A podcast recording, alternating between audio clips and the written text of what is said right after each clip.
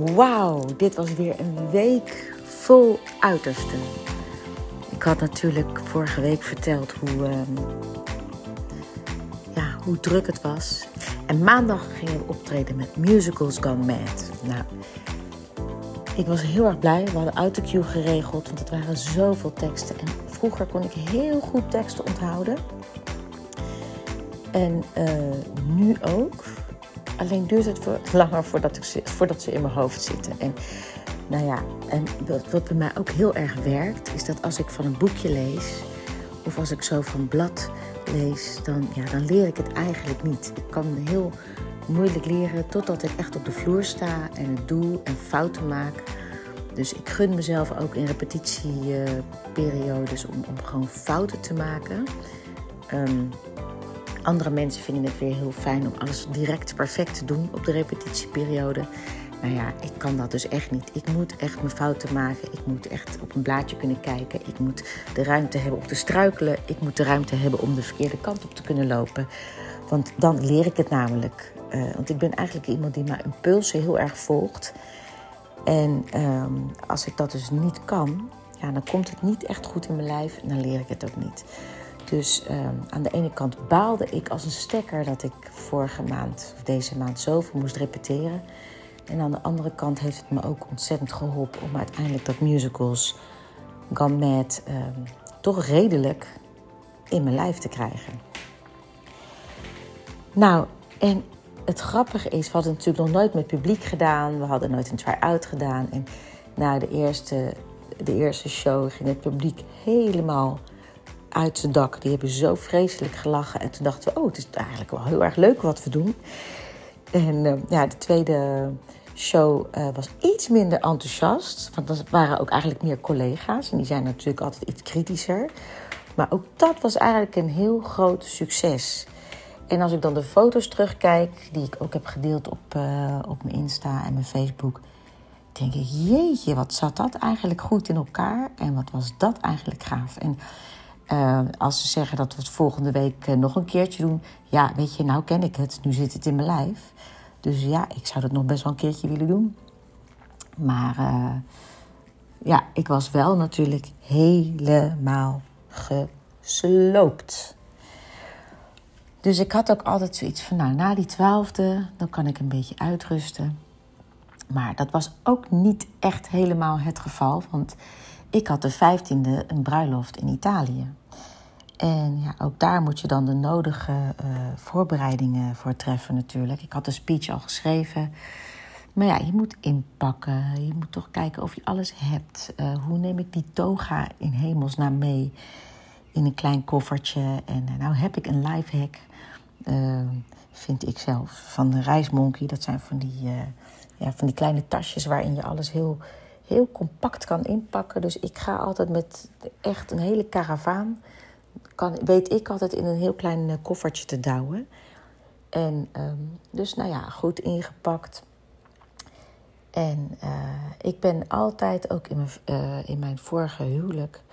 Nou, ik heb, ik heb nu geen huwelijk, maar in mijn huwelijk waar ik in zat, um, daar deed mijn man alles voor mij. Ik kon op een gegeven moment zelf helemaal niks meer, omdat in al die jaren hij eigenlijk alles voor mij deed. Dus nu doe ik eigenlijk alles zelf. En ik merk dat ik daar dan toch ook een beetje toch wel onzeker van word. Van heb ik het wel goed? En helemaal omdat ik een chaot ben. Uh, wat mensen ook altijd heel leuk beamen. Van ja, je bent een chaot. En, dus ik ben altijd nogal geneigd om mezelf klein te maken. En om uh, ook duidelijk uh, aan iedereen, voordat mensen mij kunnen uitlachen, te laten weten dat ik het allemaal toch niet kan. En dat ik toch chaotisch ben. Maar omdat ik mezelf dat ook steeds wijs maak, ben ik daar ook heel bang voor. Dus dan is inpakken altijd wel best wel een ingewikkeld ding voor mij. Maar eigenlijk ging het best wel goed. En nou ja, op, uh, op het zoeken naar een parkeerplek na, wat wel heel stom was, omdat ik valet parking had, parking had uh, geregeld. Wat dus niet voor de deur was. Dus dat is even één ding, jongens. Ga nooit bij Eindhoven valet parking uh, boeken, want dat bestaat helemaal niet. Het staat, is gewoon, je moet gewoon 10 minuten lopen en uh, dan geef je wel je auto af, maar ja, je kan net zo goed gewoon voor de deur staan. In een grote parkeergarage. Maar goed, dat wist ik niet. Dus uh, ja, uiteindelijk was ik in Italië en wat is Sanremo toch prachtig. Ik ga er nog een keertje heen. Uh, je ziet dat het ergens een soort van vergane glorie is, maar, maar ja, al die grootse gebouwen en aan het water. En ja, ik vind één ding van Italië: het eten is natuurlijk fantastisch.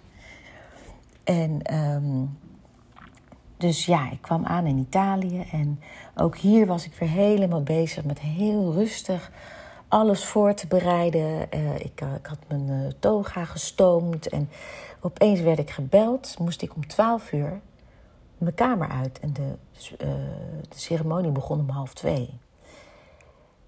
En ik stond eigenlijk in mijn ondergoed, want het was bloedheet. Dus ja, ik, ik ga niet een toga stomen in mijn kleding, want ik stoomde zelf ook weg. Dus ik had nog geen make-up op. Mijn haar zat nog helemaal ontploft. En ik stond in mijn ondergoed mijn toga te stomen. En uh, al mijn spullen had ik helemaal uitgestald. Ik had ook nog iets. Want ik was. Uh, de, de, ik heb eigenlijk een speciale babspen. En die kon ik nergens vinden. Nou ja, wat dan weer mijn de chaot in mij eventjes weer voedt. Van zie je. Maar wat had ik gedaan? Want het, thema was A Touch of Gold. En ik had mijn nagels goud geschilderd met nagellak. En ik had een witte pen ergens. Dus ik was die pen was ik met nagellak goud aan het maken. Dus nou, die was lekker aan het drogen. En ik had alles uitgestald. En ik denk, nou, dan ga ik nu muziekje op. En ik doe lekker mijn make-upje op. En ik had van, uh, van Diva Mayday dat is een geweldige drag queen. En die, die had mij een tip gegeven dat als je je make-up opdoet en dan eerst even lekker goed in de pancake en dan met water, met, met water afdeppen, zodat het gewoon in je, in je gezicht trekt. Ik denk, oh, dus ik was lekker aan het deppen en oh, ik ben goed bezig. Mijn pennetje was goud en ik word gebeld, u moet nu de kamer uit. Want ik kon niet tot de ceremonie in de kamer blijven. Dus daar stond ik in mijn onderbroek. En oh my god. Dus, en toen ben ik als een gek, heb ik alles in mijn koffertje gedonderd. Ik heb uh, de mensen gebeld die me geboekt hadden. Dus niet het bruidspaar, maar uh, de mensen die de ceremonie leiden en zo. Ik zei, jongens, ik moet mijn kamer uit. Ik ben nog helemaal niet klaar voor de ceremonie. Dus wat moet ik doen? En dan, en dan op zo'n moment ben ik dus blij dat ik chaotisch ben. En op zo'n moment ben ik blij dat ik heel veel heb meegemaakt. Want ik heb in het verleden me overal omgekleed. Op het toilet, tussen een, uh, in een, in een paardenstal. Je kan het zo gek niet bedenken of ik heb me daar om, omgekleed, opgemaakt. Um, ja, het leven van een zangeres gaat niet altijd over glitter en glamour en een rider en champagne op je kleedkamer. Nee, het is eigenlijk vaak gewoon ergens in een bezemhok. Um, je omkleden. Dus ik dacht, nou ja, uh, het is wat het is.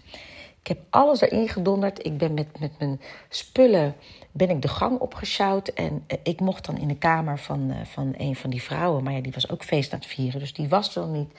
Dus toen zat ik me eigenlijk op de grond in de gang op te maken. Totdat ik weer ergens een kamer in kon. Nou, heel snel alles aangetrokken. Klotsende oksels ben ik naar beneden gerend. Adem in, adem uit. Het bruidspaar is altijd zenuwachtiger dan ik. Ik bedoel, ik kan heel zenuwachtig zijn. Maar eigenlijk, ja, ik moet dan toch de rots in de branding zijn. Dus ik ben naar mijn altaar geschreid. Geschreden, geschroet, hoe zeg je dat? En toen ben ik uh, uh, de speech gaan houden. En het was echt betoverend. Het was echt mooi. Het was een prachtige locatie, zo aan een zwembad in dat prachtige Italië. En uh, nou, daarna heb ik lekker gezongen. Ik heb mijn andere jurk aangetrokken. En ik heb uh, de bruid, die houdt heel erg van Tina. Dus ik heb lekker even weer uh, mijn ouderwetse Tina-liedjes kunnen zingen. En nou, ik heb daarna nog even snel een drankje gedaan. Even gedag gezegd. En toen moest ik dus weer naar Nederland vliegen. Dus nou ja, ik heb me omgekleed, even gedoucht, want ik was natuurlijk helemaal doorweekt. Het was heel heet. En ze hadden heel lief een, uh, uh, een chauffeur voor mij geregeld. Dat was een vriend van een vriend. En waarschijnlijk hadden ze tegen hem gezegd: Hier heb je een paar tientjes. Breng die vrouw even naar het vliegveld. Dat zou uh, een ritje zijn van drie kwartier.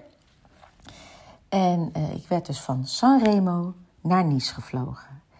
En ehm, nou ja, met handen en voeten hebben we met elkaar gesproken. Ik leer op dit moment Spaans. Nou ja, daar ben ik al een tijdje mee bezig.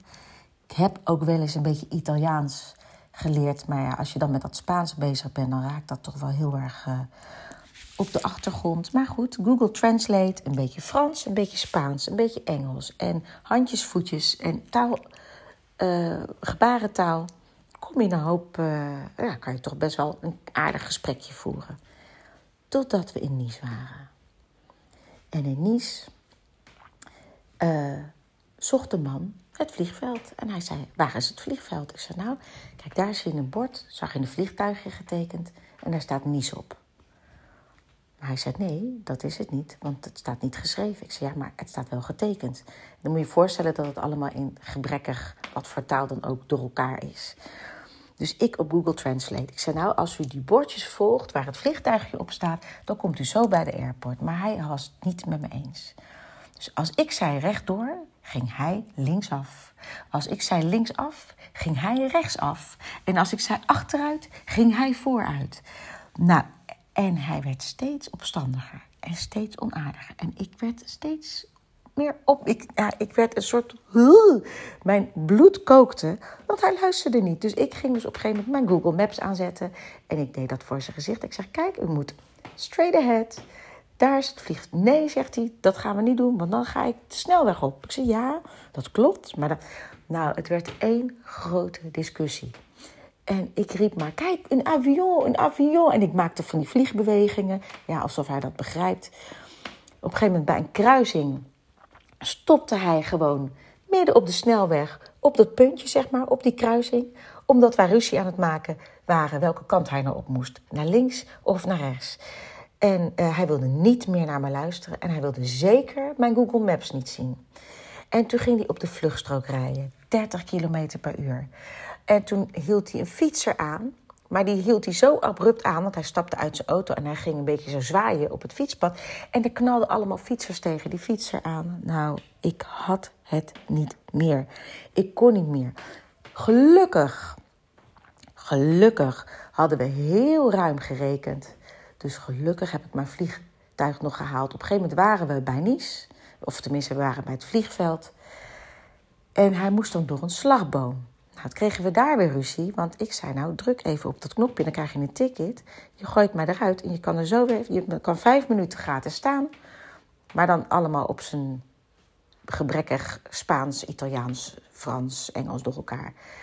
Hij zei nee, want ik heb geen ticket. Ik zei ja, maar u moet drukken op het knopje. Nee, zegt hij, ik heb geen ticket. Dus ik ben uit, uiteindelijk stapte hij uit die auto, want er stond al een rij achter ons, omdat wij ruzie aan het maken waren. Hij wuift die mensen, hij sommeert die mensen naar achter te gaan. Ik stap stampvoetend op mijn hakjes uit die auto, druk op dat knopje, ticket. Slagboom gaat open. Nou, en die man scheldt er, van culo, van culo. En hij spuugt op de grond. En hij, op een gegeven moment ging hij weer in zijn auto zitten en hij spuugde uit het raam. En ik werd maar, ik, nou, ik werd een soort versteend naast die man. En toen zei hij nog, pak je koffer, pak je koffer.